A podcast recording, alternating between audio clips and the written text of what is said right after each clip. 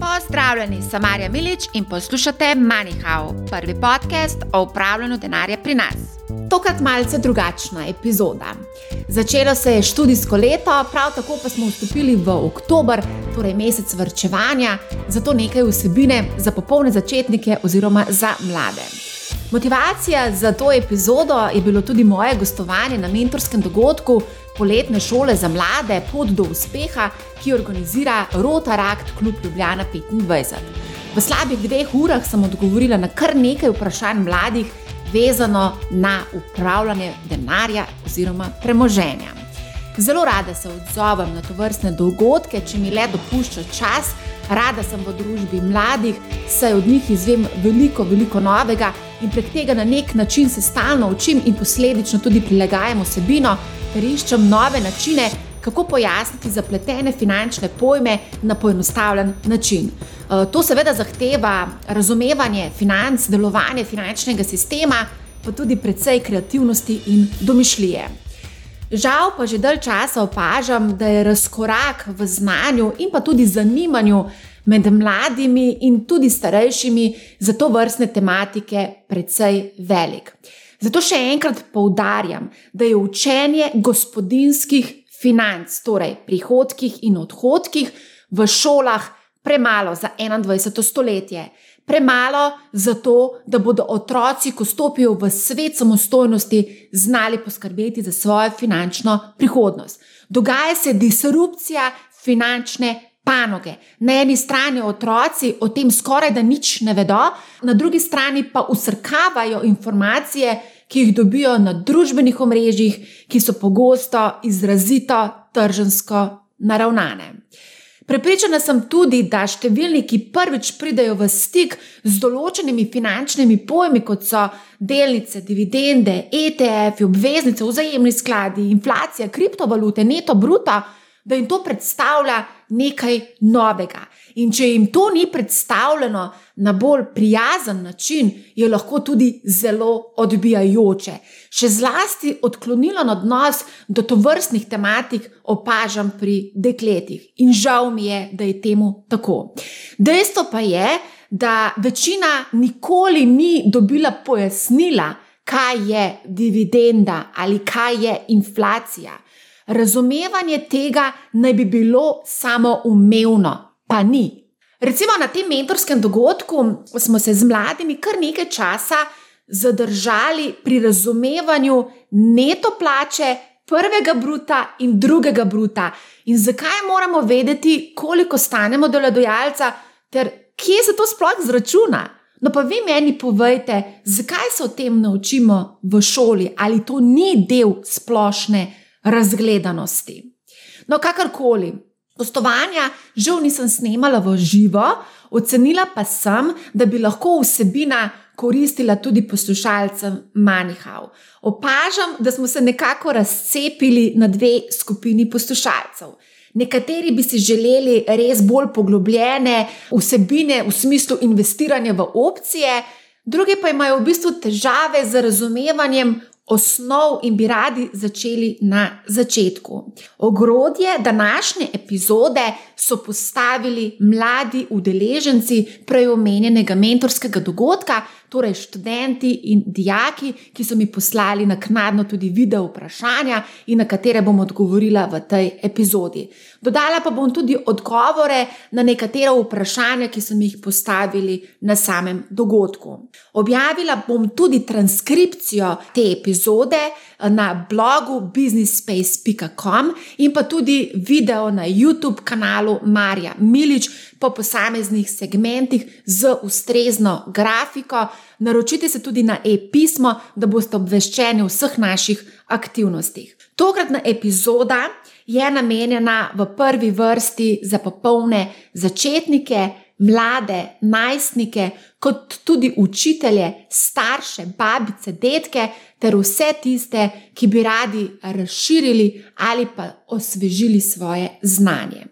Če menite, da bi ta vsebina koristila vašemu otroku, vnuku, nečaku, sosedu, sošolcu, učitelju gospodinstva ali državljanske vzgoje, oziroma komorkoli, prosim, delite to epizodo oziroma podcast MoneyHow. Cilj MoneyHow je širjenje znanja osebnih financ.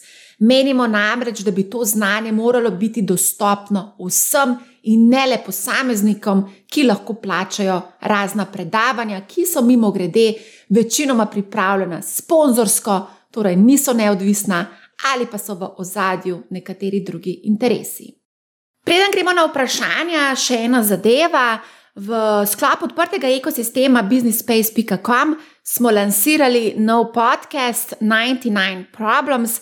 Gre za poslovni podcast, ker bo z Andražem Grahkom, ki je moj sonavigator v tem odprtem ekosistemu znanja businessspace.com, govorila, ne boste verjeli o problemih.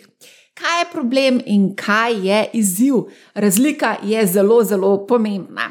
Prvi je o problemih eh, v podkastu spregovoril Rado Daradan iz Hurej Studios. Večina jih pozna po personaliziranih knjigicah Mali junaki. In problemov je bilo kar nekaj, vse od začetka. Preverite, seveda, v podkastu, kako sta jih s partnerjem reševala. Za vse, ki vas zanima investiranje v startupe, pa že zdaj najavljam serijo pogovorov z angelskimi investitorji. Preverite torej 99 Problems podcast je dostopen na vseh večjih podcast platformah in seveda tudi na businessspace.com. Tako gremo na vprašanja. Prva je simpatična Leja, poslušajmo njeno vprašanje. Okay, um, mene pa zanima, kako lahko recimo v svojih študentskih letih ker nimamo vsi pač velikih prihodkov, samo kakšno manjšo štipendijo, um, kako bi lahko najbolj varčno, pa najbolj pametno si razporedili, da bi nam ostali pa še za kakšne um, svoje dejavnosti, pa aktivnosti, pa želje. Um. Leja, odlično vprašanje. O tem, kako ravnati s plačo, ko jo dobimo na TRR, sem sicer pripravila posebno epizodo. Vabim, da ji prisluhnete. Pripravila sem tudi skico ali zemljevid toka denarja, Torej, moje prepričanje je, da naj bi najprej po najboljših močeh plačali sebi za dolgoročno vrčevanje, potem za tekoče stroške in v tretjem koraku kratkoročno vrčevanje, kar prikazuje seveda tudi slika.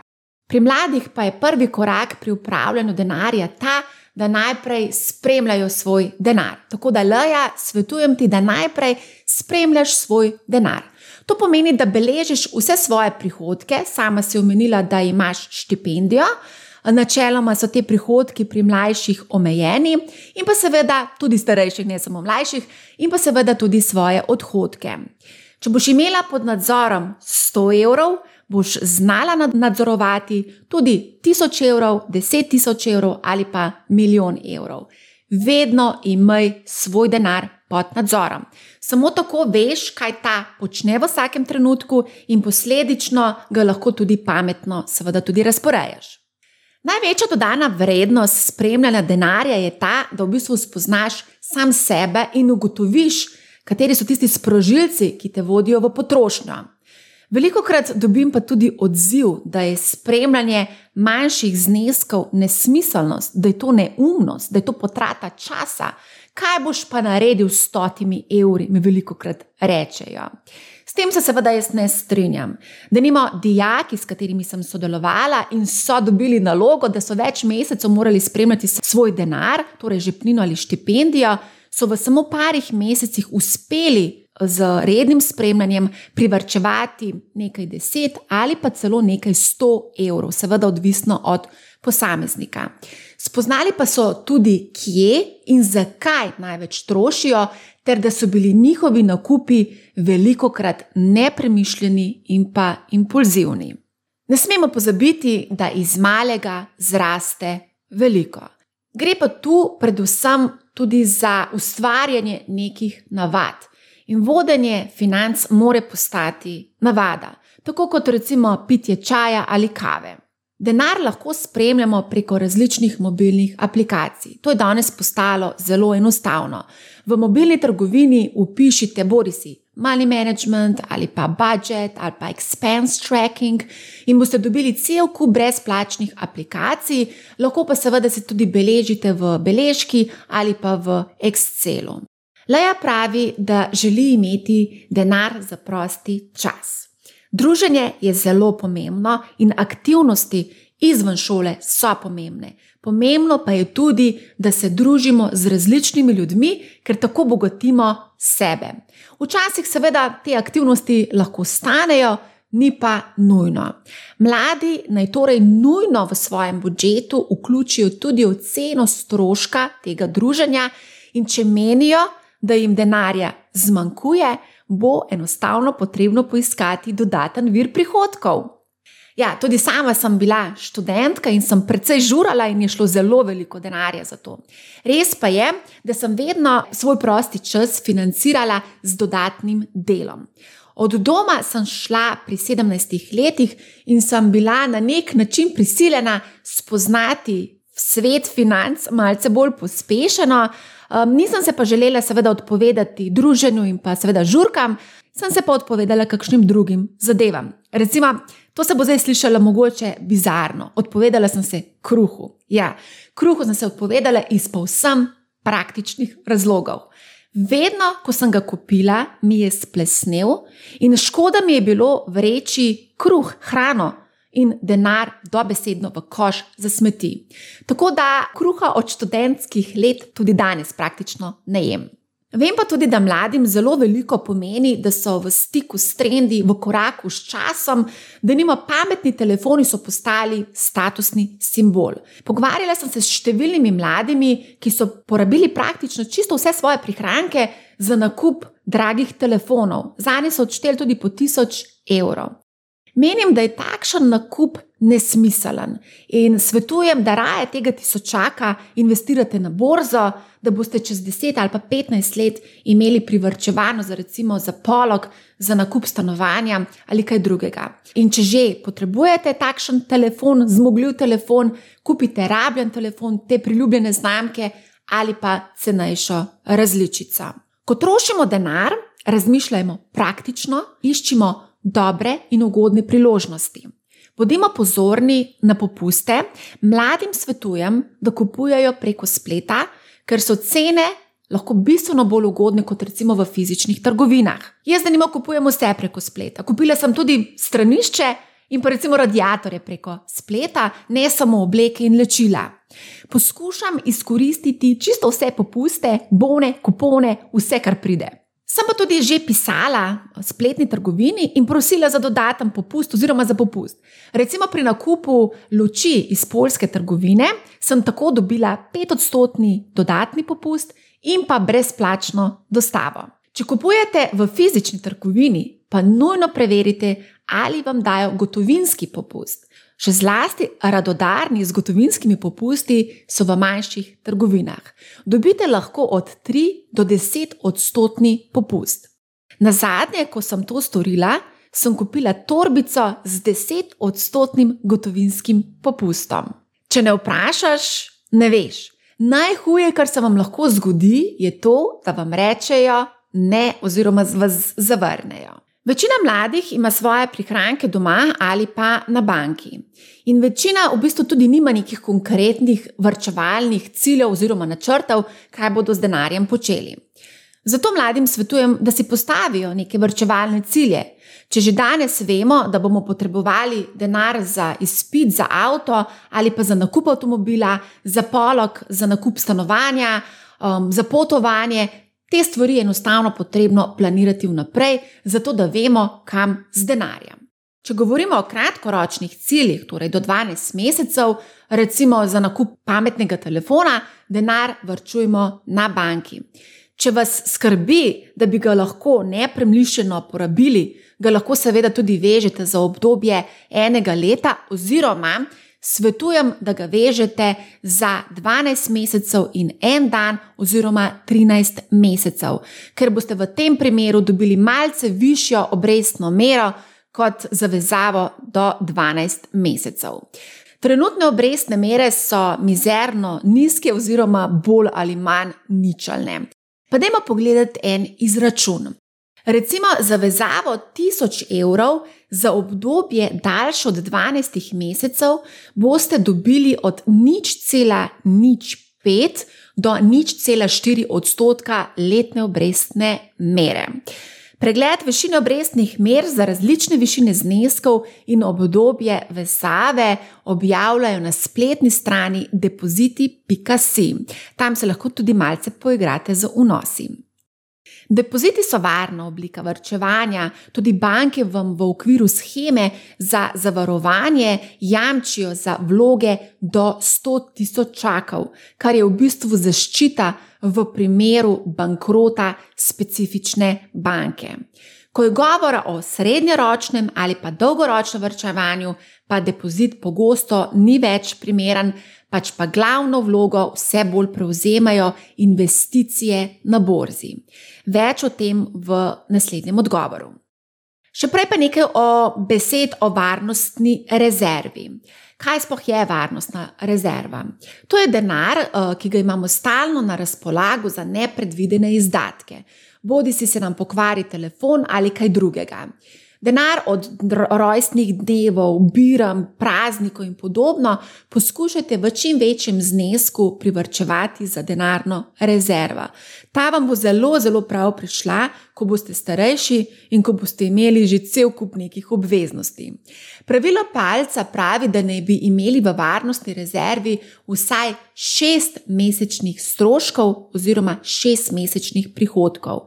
Ko stopate na trg dela, to pomeni nekaj tisočakov. Vsem mladim svetujem, da začnejo graditi varnostno rezervo čim prej. Rada bi se dotaknila tudi prihodkov. Prihodki so izredno nihajna kategorija pri mladih. Ni fiksna, tako kot pri večini zaposlenih, ki dobijo v bistvu vsak mesec bolj ali manj prihodek iz enega vira, torej plače.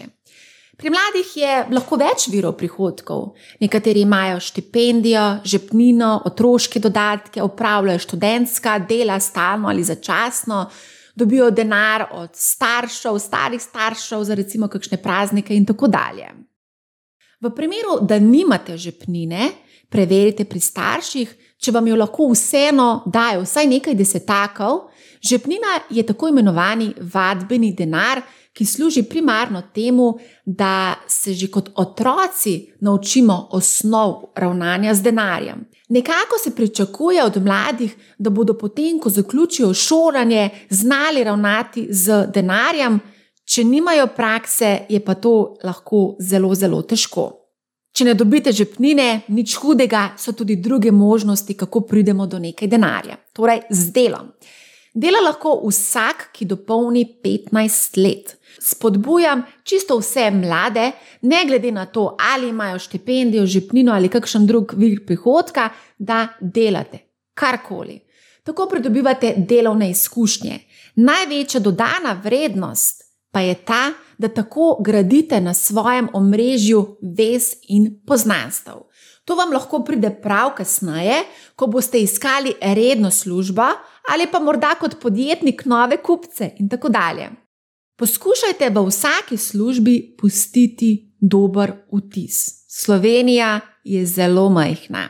Odprite profil na poslovnem družbenem omrežju LinkedIn in se začnite povezovati. Pozor, to ni Instagram ali pa TikTok ali pa Facebook ali Twitter.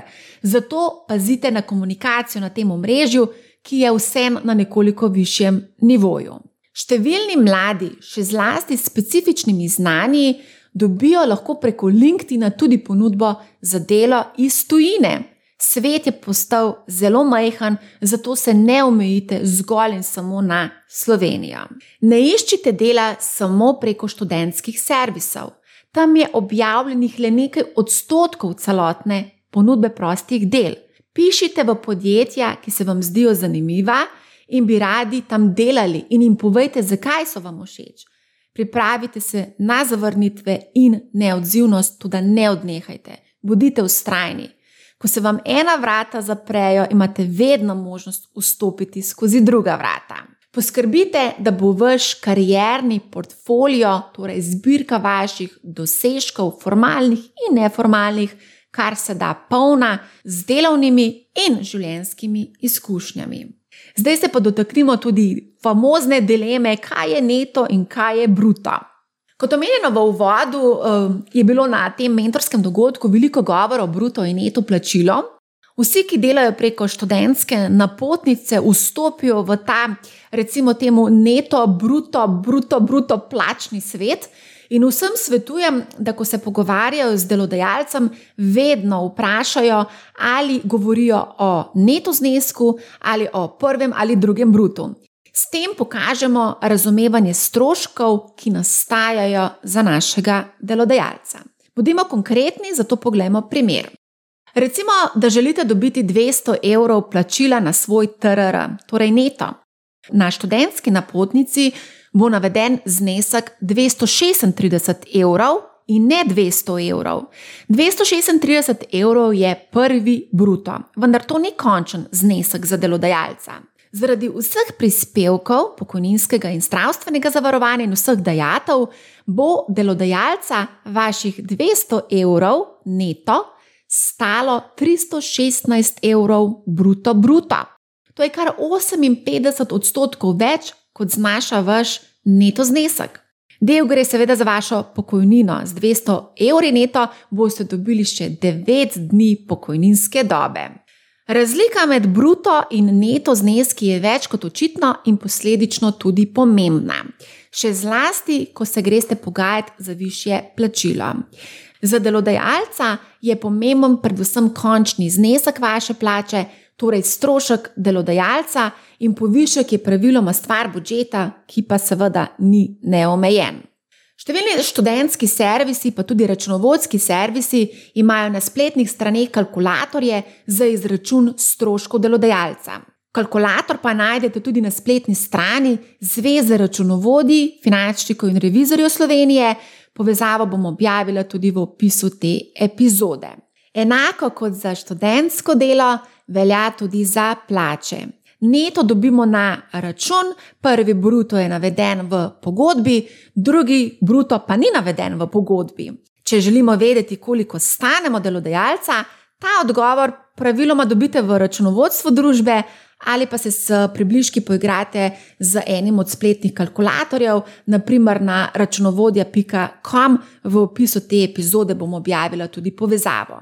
Poglejte celoten seštevek stroškov delodajalca ob vašem želenem netu danes in se malo igrajte, koliko bi bila sanska plača in kaj to pomeni pod črto za firmo.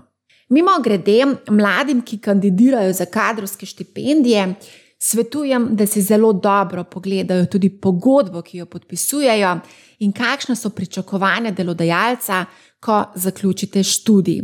Pri to vrstnem štipendiranju gre v prvi vrsti za rezervacijo kadra v prihodnosti.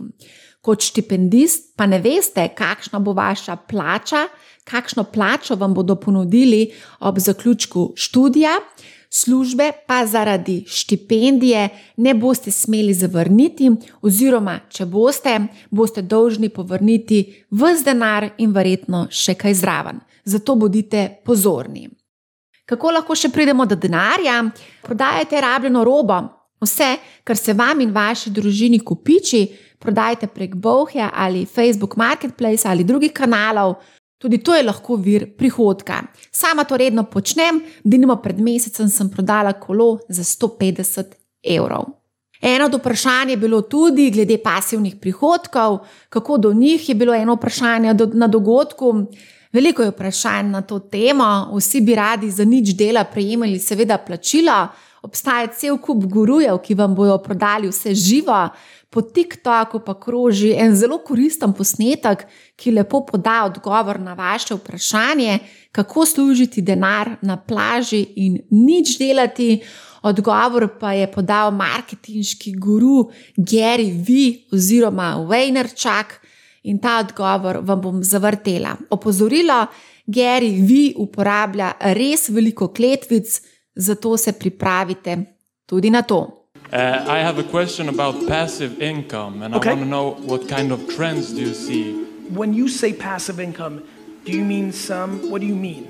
I mean not having to work all day long. I, I want to be on a, on a beach in Mexico instead of being on an office in Sweden in no, cold November. Are you being serious right now? Yes, yes, I'm serious. Okay. The quickest way to not be on a beach in Mexico is to think that passive income exists. I think the reason so many scumbuckets are making so much money is because you're buying stupid fucking courses over and over, thinking there's some fucking magic formula for passive income. Passive income looks like this you take money that you can afford to go to zero, and you put them into two places that have historically created passive income public markets that you don't care if it goes up and down and you just wait to the end, or real estate, and you hope that your real estate area doesn't get crushed. Everything else almost doesn't exist. Ja, mislim, da dodaten komentar uh, seveda ni potreben. Sama sem sicer mnenja, da resnično pasivno na dolgi rok služimo na račun dividend, torej izplačanih dobičkov družb ali skladov, o tem bomo malce več kasneje povedali, in obrestmi, ko so te seveda više od nič. Pri oddaji nepremičnini je že potrebno biti bolj angažiran kot lastnik nepremičnine, če pa damo nepremičnino recimo v upravljanje tretji osebi, pa lahko pogojno rečemo, da je to za nas pasivni prihodek, vendar je storitev upravljanja seveda potrebno plačevati in tudi praviloma določene upravke brez našega angažmaja tretja oseba težko izvede. V prvi vrsti pa menim, da je za ustvarjanje pasivnih prihodkov seveda potreben kapital, ki je bodi si nastal iz različnih oblik dela ali pa smo ga podedovali. Dajmo poslušati še eno vprašanje, ki smo ga dobili in sicer vezano na kreditne kartice. Mene pa zanima, kako priti do kreditne kartice, če nimam redne zaposlitve.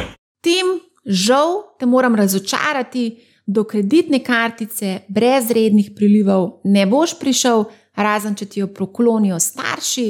Opazila pa sem, da nekatere banke že opuščajo maestro kartice in jih nadomeščajo z debetnimi Mastercard in Visa karticami, s katerimi lahko potem seveda tudi opravljate nakupe preko spleta. Varianta so tudi predplačniške kartice Mastercard ali Visa, kjer položimo denar v omejenem znesku. Z vidika varnosti so predplačniške opcije kar precej primerne za mlade. Načeloma menim, da lahko mladi za vse svoje želje privrčujejo denar. Vrčevanje ni nič drugega kot potrošnja, ki smo jo priskočili danes in jo prestavili oziroma odložili na prihodnost. Če lahko odplačujemo puf za nek nakup, potem lahko tudi vrčujemo. Tisti, ki načrtujejo, pretežno varčujejo, tisti, ki ne načrtujejo, pa pretežno jemljajo pufe in plačujejo obresti. Seveda so primeri, ko bi trajanje vrčevanja trajalo predolgo in takrat je izposojanje neizogibno, da nimo za nakup stanovanja. Pazite torej, da se ne ujamete v začaran krok dolgov, o dolgovih in do zadolževanju eh, bomo seveda govorili še v ločeni epizodi v Manihau, ker tu je izredno veliko stvari za povedati.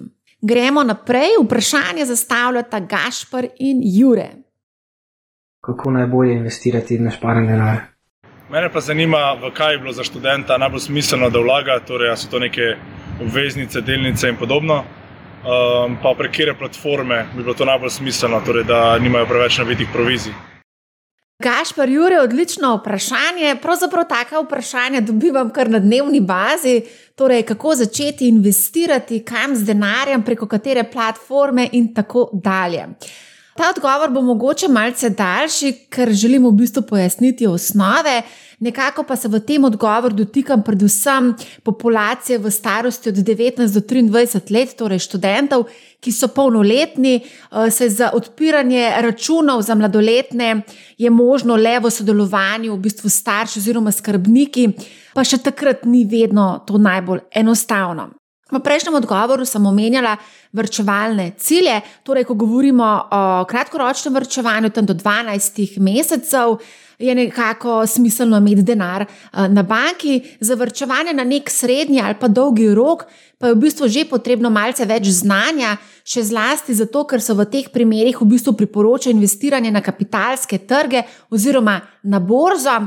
Zato predlagam, da v bistvu v tem odgovoru nekako še enkrat obnovimo, osvežimo znanje osnov, torej kaj je borza, kaj je delnica in kaj je seveda sklad. Pa dajmo najprej odgovoriti na vprašanje, kaj je borza. Pa dajmo to čisto poenostavljeno razložiti. In sicer borza kot pojem je danes najbližje v bistvu neki spletni tržnici finančnih inštrumentov oziroma vrednostnih papirjev. Tam lahko kupimo delnice, obveznice, sklade, opcije in cel kup drugih finančnih inštrumentov. Zdaj obstaja veliko borz, najbolj pomembne pa so tiste v svetovnih finančnih metropolah, če lahko temu tako rečem, torej New York, London, Frankfurt, Pariz, Hongkong, Amsterdam, obstajajo skratka po celem uh, svetu, tudi v Ljubljani imamo borzo. Da gremo lahko eh, svojo košaro po nakupih na vse te borze, pa moramo najprej odpreti trgovalni račun, ki nam daje dostop do vseh teh tržnic.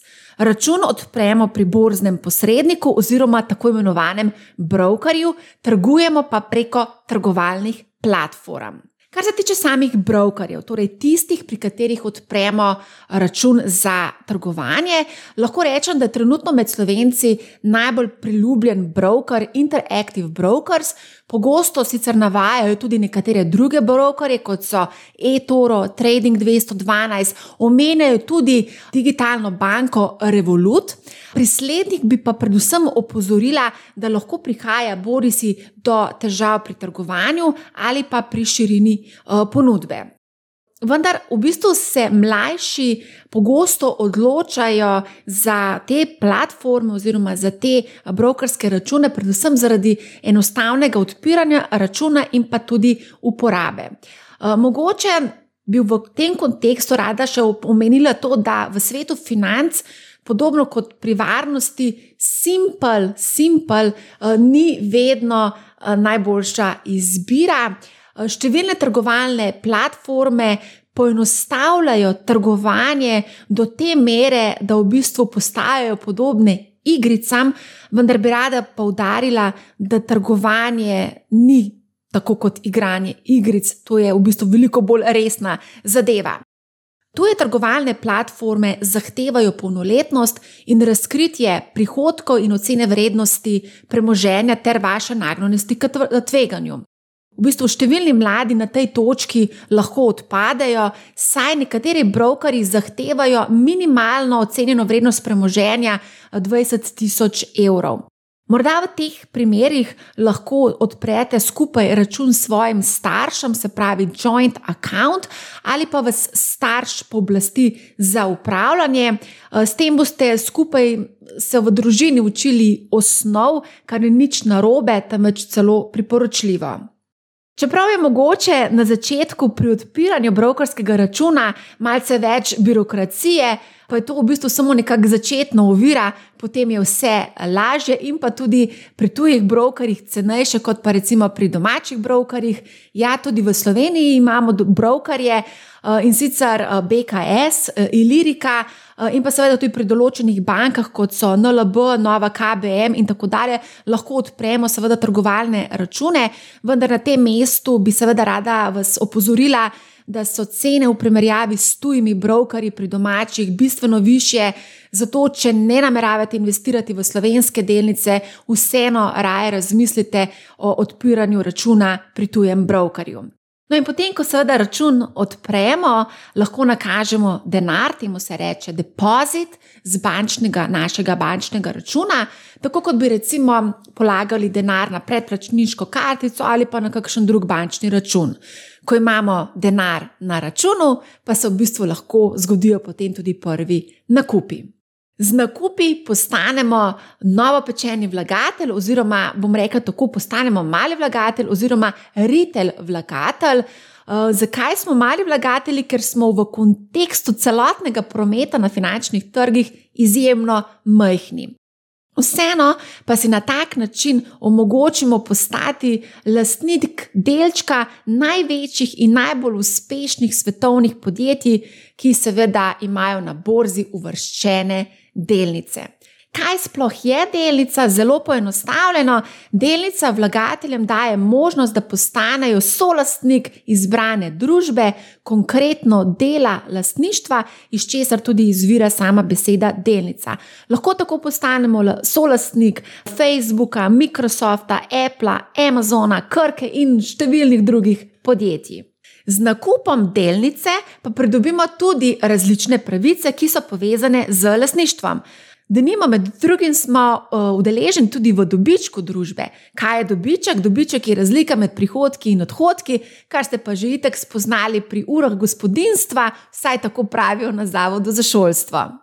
Dajmo biti konkretni, recimo, da družba ustvari milijardo evrov dobička in ker smo kupili delnico tega podjetja in ker, ker smo delničar te družbe oziroma solastnik te družbe, smo upravičeni do dela tega dobička. Izplačilo tega dela dobička se imenuje dividenda in je že preračunana v znesku na delnico. To je podobno kot obresti pri depozitu ali najemnina pri oddaji stanovanja. Seveda, kot delničar imaš tudi možnost soodločanja v podjetju. Toda, roko na srce z nakupom ene delnice, ne vem, Microsofta, Amazona, Apple in drugih družb, nekako si težko predstavljam, da bi kot mali vlagatelj imeli vpliv na ključne odločitve. Ko z našimi omejenimi sredstvi kupimo delnico Facebooka, precej tvegamo, saj v bistvu stavimo na enega konja. Verjetno ste opazili, da je Facebook ta teden mrknil, vključno z aplikacijami, ki so v lasti Facebooka, to sta Instagram in WhatsApp. Seveda, kot uporabnik ste to čutili, če bi bili pa delničar te družbe, bi prav tako to čutili v svojem žepu, saj je delnica Facebooka v enem dnevu upadla za 5 odstotkov. Na tej točki bi marsikdo rekel, da je izbira konja, na katerega bomo stavili, težka, hkrati pa bo marsikdo rekel, da je stava na enega konja absolutno preveč tvegano za njegov okus. Kaj lahko storimo v tem primeru? Odločimo se lahko za nakup košarice različnih, vendar še vedno kakovostnih naložb. V tej košarici so lahko recimo delnice Facebooka, Amazona, Apple, Tesla, Spotify, Netflixa in še sto in več drugih močnih podjetij, ki so vodilna v svojih panogah in vsa na dolgi rok zagotovo ne bodo propadla. V primeru teh košaric naložb govorimo o investicijskih skladih. Oziroma, najbolj razširjena oblika so tako imenovani vzajemni skladi. Takšen sklad je z vidika malega vlagatelja bolj varen v smislu razpršenosti naložb in sprejemanja razumne ravni tveganja za začetnika. Vsem, ki spoznavajo svet borze, bi nekako na začetku svetovala za dolgoročno vrčevanje, da je primeren sklad, ki investira sredstva v košarico vodilnih globalnih podjetij, torej globalno razpršeno košarico naložb. Na tej točki bi pa mogoče za namene poenostavitve vseeno ločili dve skupini skladov. Prva skupina so skladi, ki samo sledijo gibanju na trgu in imajo v košarici večino delnic največjih podjetij. Gre za tako imenovano pasivno upravljanje oziroma indeksne sklade, ki jih večina pozna tudi pod imenom ETF, Exchange Traded Funds. Kaj konkretno to pomeni, malce več v nadaljevanju, sedaj pa druga skupina.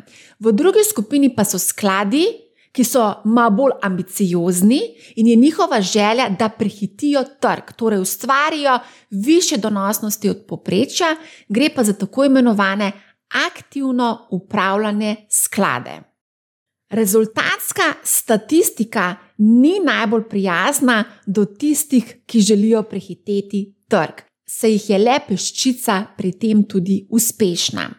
Zato vse več vlagateljev prisega na sklade, ki v bistvu sledijo trgu, torej indeksnim skladom. Skratka, v vsakem primeru obstajata dva načina, kako lahko v bistvu investiramo v sklade. Prvi način je preko borze. Temu pravimo ETF-i, ki smo jih prej omenili, Exchange Traded Funds, kar prevedeno pomeni, in to dobesedno, skladi, s katerimi se trguje na borzi. Drugi način nakupa vzajemnega sklada oziroma sklada je nakup preko družb za upravljanje, ki v bistvu upravljajo te sklade. Gre za preomenjene aktivno upravljane sklade. V Sloveniji imamo pet takšnih družb. To so NLB skladi, Triglav skladi, Generali Investments, Infond skladi in pa Primorski skladi. Skupaj ponujajo preko 80 vzajemnih skladov. Kaj je še pomembna razlika med pasivnimi in aktivno upravljenimi skladi? Prva skupina, torej pasivno upravljenimi skladi, sledijo trgu, to smo že rekli. Ponostavljeno rečeno pa to pomeni, da vnaprej dobijo nakupovalni seznam delnic. Mogoče ste že slišali za ameriški Dow Jones, pa SP 500, pa Nasdaq ali nemški DAX, mogoče ste slišali celo za slovenski indeks SBI Top. Vsa ta so imena za indekse. In čemu služijo indeksi? Pravi imamo tudi tržno poprečje in v resnici merijo, kolikšna je bila povprečna rast tečajev na trgu skozi čas. In da še malce poenostavimo, predstavljate si višino vaših sošolcev skozi leta. V povprečju se je ta višina povečevala in podobno se meri prirast vrednost podjetij na trgu, pri čemer imajo največjo težo pri izračunu podjetja z večjo vrednostjo. Ker se seznam delnic v teh indeksih izračunava na podlagi vnaprej določenih pravil, to pomeni, da na krovu ni potrebe po polni zasedbi posadke. Zato so ti skladi bistveno cenovno bolj ugodni od aktivno upravljanih skladov, kjer je na krovu več mornarjev in seveda tudi kapetan. Posadka z večjimi člani, seveda, več tudi stane. Skratka, poanta je, da ko se odločate za to vrstne naložbe, morate nujno preveriti stroške nakupa sklada, še bolj pomembno pa je preveriti celotne stroške poslovanja sklada. Dajmo biti konkretni in recimo predvidevamo, da želite investirati 100 evrov.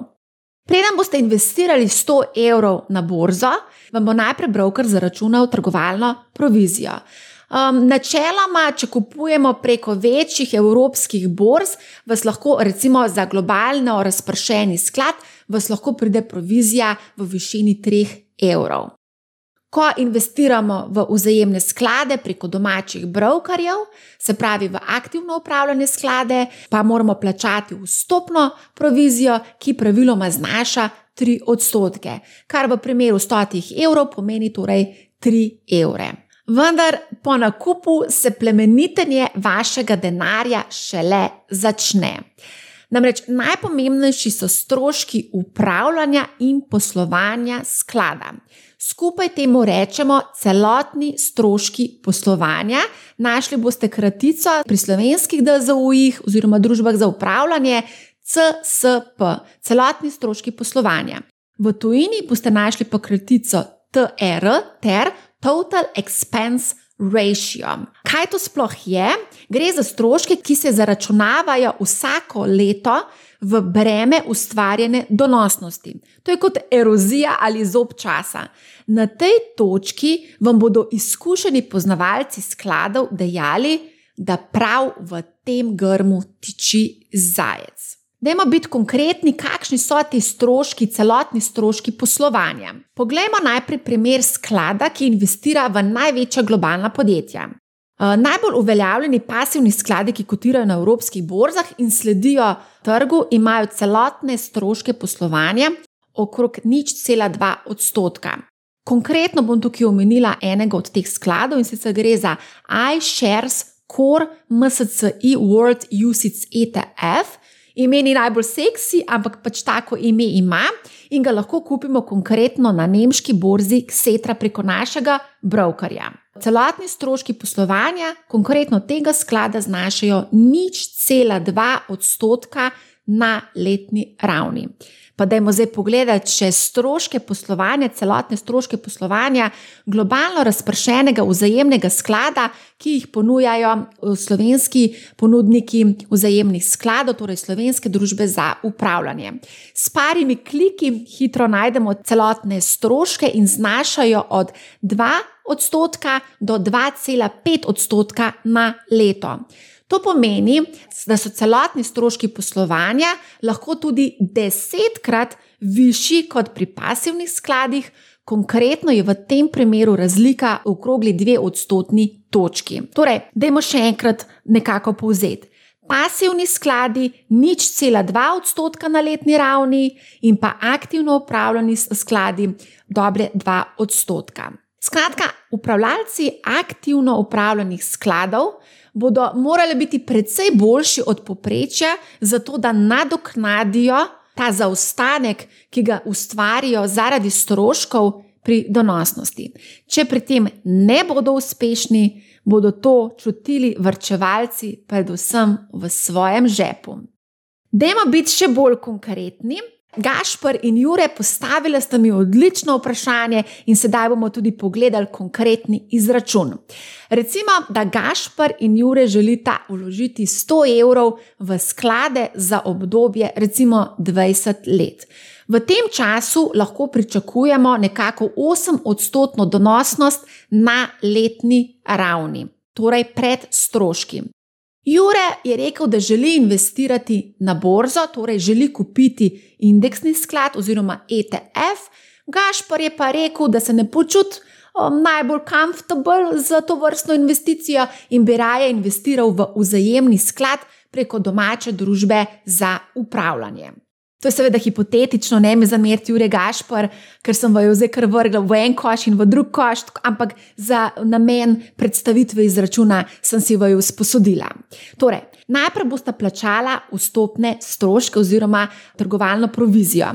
Se pravi, v obeh primerih boste plačala 3 evre. Ostane vam torej 97 evrov za investiranje oziroma plemenitenje tega zneska. Torej, Jure rekel, da bo investiral v pasivni sklad, za katerega vemo, da je eh, strošek upravljanja ni cela 2 odstotka na leto, hkrati pričakuje 8 odstotno donosnost na leto, se pravi, to samo odštejemo 8 minus nič cela 2, dobimo 7,8 odstotno letno donosnost. Jure bo v pasivnem skladu, potem ko se to skupaj vržemo v kalkulator, povezavo do kalkulatorja vam bom tudi dala v opisu te epizode, bo privrčeval samo sekundo, da najdem ta znesek in sicer v 20 letih bo iz 100 evrov oziroma 97 evrov naredil 400 evrov. Gašpar pa se je odločil, da bo raje investiral preko domačega brokerja in plačal 2,2 v poprečju odstotne stroške upravljanja in poslovanja celotnega sklada, kar pomeni, da če od 8 odstotkov, ki jih nekako pričakuje na leto, odštejemo 2,2, dobimo 5,8 odstotno donosnost. In seveda to vržemo vse skupaj v kalkulator, se pravi 97 evrov, plačali smo že vstopne stroške in pa nekako v 20 letih pričakujemo v poprečju na leto 5,8 odstotno donosnost in kalkulator nam vrže kaj? Aha, 280 evrov. Torej, Jure bo v pasivnem skladu, torej v ETF-u, v 20 letih iz 97 evrov ustvaril 400 evrov, Gašpar bo v domačem vzajemnem skladu v tem času ustvaril pri enakih pogojih, seveda, 280 evrov. Razlika je več kot očitna in zmagovalec v tej tekmi je seveda Jure z prednostjo 120 evrov. Z vsakim dodatnim letom pa je razlika samo še bolj dramatična. Poigrajte se s kalkulatorjem in boste videli, kakšne so te razlike. Marsikdo bi se na tej točki vprašal, zakaj je Jure izbral pasivni in Gašpar aktivni sklad. To je seveda zelo odvisno od posameznika in od tega, kaj želimo. Tisti, ki želite sami v bistvu upravljati svoj denar, se dodatno izobraževati, izpopolnjevati in niste pripravljeni plačevati za storitev upravljanja, boste verjetno izbrali indeksni sklad oziroma ETF Drugi, ki pa vas nekako skrbi ali pa vas je groza odpirati trgovalne račune v tujini in se bolje počutite v rokah domače družbe za upravljanje, pa boste za to cono obdobja žal morali tudi plačati kar precej visoke stroške. Z vidika matematike je stvar zelo jasna. Več boste iztržili z investiranjem v ETF-e kot v aktivno upravljanih skladih. Vseeno pa bi rada na tem mestu vsem, ki želijo investirati v ETF-e, svetovala, da naj ne investirajo manjše zneske. Recimo minimalni znesek, s katerim nekako je še priporočljivo investiranje v ETF-e, je 100 evrov. Zato, če teh 100 evrov nimate, vrčujte nekaj mesecev in potem, po nekaj mesecih, seveda, ko boste zbrali ta denar, investirajte v ETF-e. Dajmo čisto na kratko povzeti. Za dolgoročno obdobje, torej več kot 5, 10, 15, 20, 30, 50 let, svetujem vsem mladim, da investirajo na borzo. Najprej investirajte, kot smo že prej omenili, v globalno razpršene sklade. In potem, ko nekako se boste počutili bolj samozavestni, ko boste dobili že malo več znanja, se boste o tem tudi izobrazili, dodajajte začimbe. Da nimo delnic podjetij, ki se vam zdijo zanimive, ki jim želite slediti in razumete, kako ustvarja vrednost. Hkrati bi vas rada upozorila, da borzne tečajnice ne gredo samo navzgor, pač pa lahko tudi pride do tako imenovane korekcije oziroma popravka cen navzdol. Tečaji lahko upadejo tudi do, do 60 in celo več odstotkov. Zavedati se je treba, da imamo na borzi cikle. Nekako pogost je cikl od 15 do 20 let rasti in 5 do 10 let nekako stagnacije. Trenutno smo v najdaljši fazi rasti tečajev v zgodovini borze. Rast tečajev traja praktično nepretrgoma že skoraj 13 let. Zato se v naslednjih petih do desetih letih nekako pričakuje ohladitev oziroma upad tečajev. Kdaj se bo to zgodilo, vam žal ne znam povedati, in prepričana sem tudi, da marsikdo drug vam tega ne bo znal povedati. To je stvar špekulacije. Ampak vseeno za dolgoročne vlagatelje, ki bodo mesečno investirali, pa ne glede na trenutne razmere, vseeno svetujemo investiranje in svojo strategijo naj nadaljuje tudi v primeru, ko se zgodijo upadi tečajev.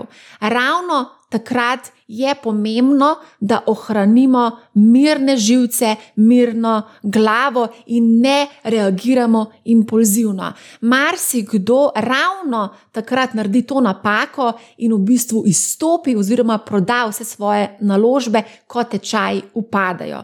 Skozi obdobje rasti in skozi obdobje upadov bomo z vami, zato spremljajte Manihau, naročite se tudi na naš Discord kanal, povezavo bomo objavili tudi v opisu te epizode. Marsikdo se pa tudi sprašuje, ja, ampak jaz pa ne želim investirati za pet in več let, moje cilji so bolj srednjeročne rave, tam do pet let, recimo želim kupiti nov avto čez ne vem, tri, štiri leta, kaj pa naj jaz sedaj naredim? Ja, trenutne razmere, bom rekel, da niso optimalne ne za vrčevanje na banki, ne za investiranje na borzo, za v bistvu to časovno obdobje, recimo 3 do 5 let. Jaz bi svetovala vseeno, da malo bolj racionalno pristopimo k investiranju za tako srednjeročno obdobje. Morda bi nekako se prej odločila, da bi večji del prihrankov imela na banki, manjši del pa bi mogoče investirala na borzo. Marsikdo bo na tej točki rekel, kaj pa inflacija. Zelo veliko se govori o inflaciji, in ravno v obdobju petih let se nekako pričakuje povišena inflacija napovedujejo tam od 3 do 5 odstotka na letni ravni, to pomeni, da bo vaš denar na banki realno izgubljal na vrednosti. In vse skupaj, seveda, to otežuje vrčevalcem situacijo, in zato marsikateri vrčevalec se odloči za nekako bolj agresivne poteze oziroma za bolj tvegane naložbe.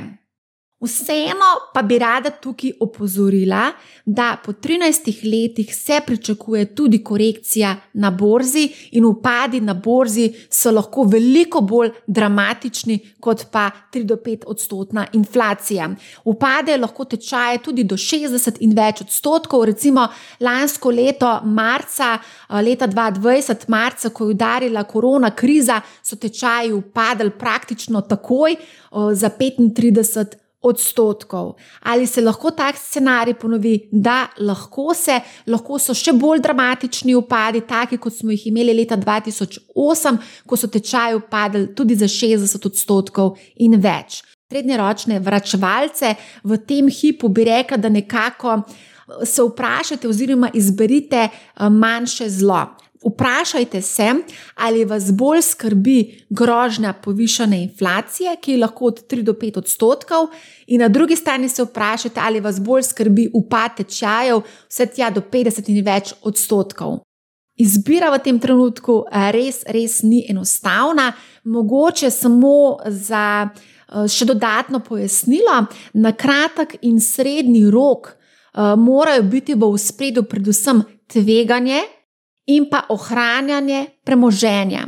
Na dolgi rok pa vlagatelji morate predvsem zahtevati više donosnosti, kar pomeni, da s temi donosnosti pokrijemo tako inflacijo in ustvarimo dodatno, torej realno donosnost. Zdaj, ko govorimo o inflaciji, pa poslušajmo še vprašanje od Nika. Kaj je inflacija in kaj so njene pozitivne in negativne lastnosti? Ja, Nik, najlepša hvala za super vprašanje. In Nik, mislim, da se to sprašuje cel svet in zdi se, da je trenutno toliko odgovorov kot ljudi na svetu, se vsak gleda cene izdelkov in storitev, ki se ga najbolj dotikajo. Vendar, ko nasplošno govorimo o inflaciji, je mišljen predvsem izraz, ki opisuje merjenje splošne ravni cen izdelkov in storitev ki so del neke stalne košarice porabe prebivalstva. Če se cene izdelkov in storitev v primerjavi z ravnjo iz leta poprej podražijo, za več kot se povečujejo naše plače ali plemeniti naše premoženje, se naša kupna moč zmanjšuje in s tem se zmanjšuje tudi naš življenjski standard. In če to postane stalnica in se ponavlja iz leta v leto, seveda to postane problem in to je del odgovora, kdaj je inflacija slaba. Torej, slaba je takrat, ko na srednji in dolgi rok preseže rast dohodkov in premoženja in uničuje našo kupno moč, in višja, ko je inflacija, slabša je. To pomeni, da si lahko vsako leto manj privoščimo. V evrskem območju in drugih razvitih državah imajo praviloma centralne banke naloge, da skrbijo, da se inflacija ne oddalji bistveno od dveh odstotkov na leto na nek srednji rok. Na ravni Evrope za to skrbi Evropska centralna banka. Ravno ta problem se pojavlja v tem trenutku, ko je inflacija v določenih državah poskočila tudi na 5 odstotkov, se pravi, se je precej oddaljila od te ciljne inflacije, ki je 2 odstotka. Slaba inflacija je tudi takrat, ko cene močno zanihajo, se to lahko povzroča velike preglavice, predvsem podjetjem pri načrtovanju poslovanja. Kaj pa dobra inflacija?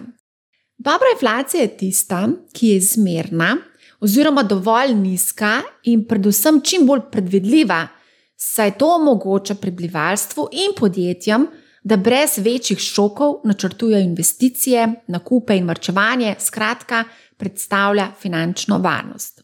Inflacija je kot neko olje, ki ga naše gospodarstvo potrebuje, zato da se motor premika brez tren in ga mora biti ravno prav Torej, ne preveč in ne premalo.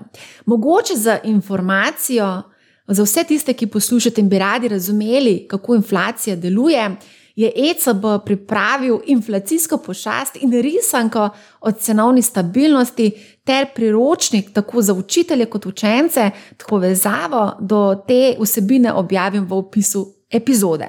No in še zadnje vprašanje ima za nas Lucija. Pa poslušajmo. Uh, zelo veliko se govori o kriptovalutih. Kaj se je priporoča, kam lahko dijaki vlagamo? Ja, joj, kriptovalute. Kako v bistvu sploh imeti debato o investiranju brez njih? Ja, gre za skrajno tvegan naložbeni razred, uh, ki se mu tveganju naklonjeni vse teže v bistvu uprejo. Vse, kar smo v bistvu povedali glede investiranja na kapitalske trge, v resnici velja tudi za ponudnike, ki omogočajo trgovanje s kriptovalutami. Praviloma so postopki za odpiranje računa na kriptomenjalnici ali pri borznih posrednikih ali drugih digitalnih bankah, ki omogočajo nakup kriptovalut, zelo podobni kot v primeru trgovanja z delnicami. Slovenci pa največkrat navajajo, da uporabljajo za trgovanje s kriptovalutami Bitstamp, to je menjalnica, ki je v bistvu nastala v Sloveniji pred več kot oziroma desetimi leti. Ja. Postavili sta jo Najc Kodrič in pa Dajmen Merlak. Slovenci potem tudi navajajo, predvsej, da uporabljajo Binance, Coinbase, Kraken, FTX. Kriptovalute pa lahko kupujemo tudi preko digitalne banke Revolut po novem pa tudi preko Interactive Brokers, ki smo ga omenili prej pri trgovanju z delnicami. Kar je potrebno opozoriti, je to, da lahko stroški trgovanja s kriptovalutami, da so lahko izredno, izredno visoki in da žal na kriptovlagatelje preži tudi izredno veliko prevar. Zato svetujem izredno previdnost. Za vse, ki nekako razmišljate o investiranju v kriptovalute, je seveda potrebno opozoriti, da gredo nori donosi z roko v roki, tudi z norimi upadi cen, ki brez težav sežejo tudi do 80 odstotkov, praktično v enem plazu. Ne. Dnevna nihanja so tukaj neverjetna, tudi po 10 odstotkov gre lahko gor in pa seveda tudi dol. Tako da tukaj je nihajnost bistveno, bistveno večja kot pa na klasičnih borzah. Do sedaj, recimo, kar se tiče same kriptoborze, lahko rečemo, da se je trg vedno pobral, vendar ni um, nobenega jamstva, uh, da se bo to ponavljalo tudi v neskončnost. Zato menim, da je potrebno omejiti delež, uh, ki ga nameravamo investirati v kriptovalute, in nekako se ne priporoča bistveno več kot 10 odstotkov celotnega našega portfelja. Dijaki si v bistvu brez um, starša ali pa nekega skrbnika ne bodo mogli urediti načina za nakup kriptovalut pri zaupanjem vrednem ponudniku. Vseeno bi pa mogoče omenila eno zadevo, ker zadnje čase kar precej pogosto kroži po družbenih omrežjih, ko vidimo 12-letnike, ki imajo po več 100 tisoč evrov vredne kriptovalute. Uh, in do njih so se dokopali v bistvu z rudarjenjem. Ta zadeva ni tako enostavna, kot se mogoče sliši na prvi pogled, in predvsem nekako primerno bolj za tehnološke zanesenjake. Je pa to tudi eden od načinov, kako priti do kriptovalut, brez da bi v bistvu odprl račun na eni od kriptomenjalnic. Skratka, mladi imate pravico delati napake in se učiti, in kriptoekosistem se samo spremenja, in kdo ve, kako bo izgledal čez pet ali pa deset let. Težava je tudi ta, da logika razpršitve ne deluje najbolje, saj da nima dve glavni kriptovaluti, to sta Bitcoin in Ether, predstavljata kar 60 odstotkov celotnega kriptotrga.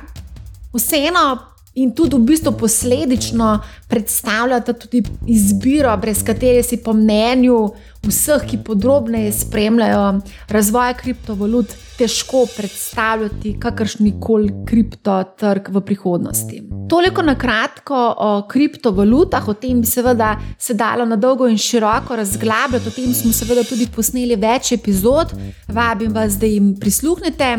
Ostalo je še nekaj vprašanj, vendar mislim, da smo za danes obdelali kar nekaj najbolj kritičnih, tako da o tem potem seveda bomo drugič tudi druga vprašanja malo bolj poglobljeno obdelali. Hvala vsem mladim za vprašanja, hvala seveda tudi za vabilo na mentorski dogodek poletne šole Pod do uspeha, ki organizira Roto Rakt, kljub Ljubljana 25. In seveda hvala vsem uh, poslušalcem, manj kao, zmeraj več vas je in izredno sem presrečna, da vas je toliko.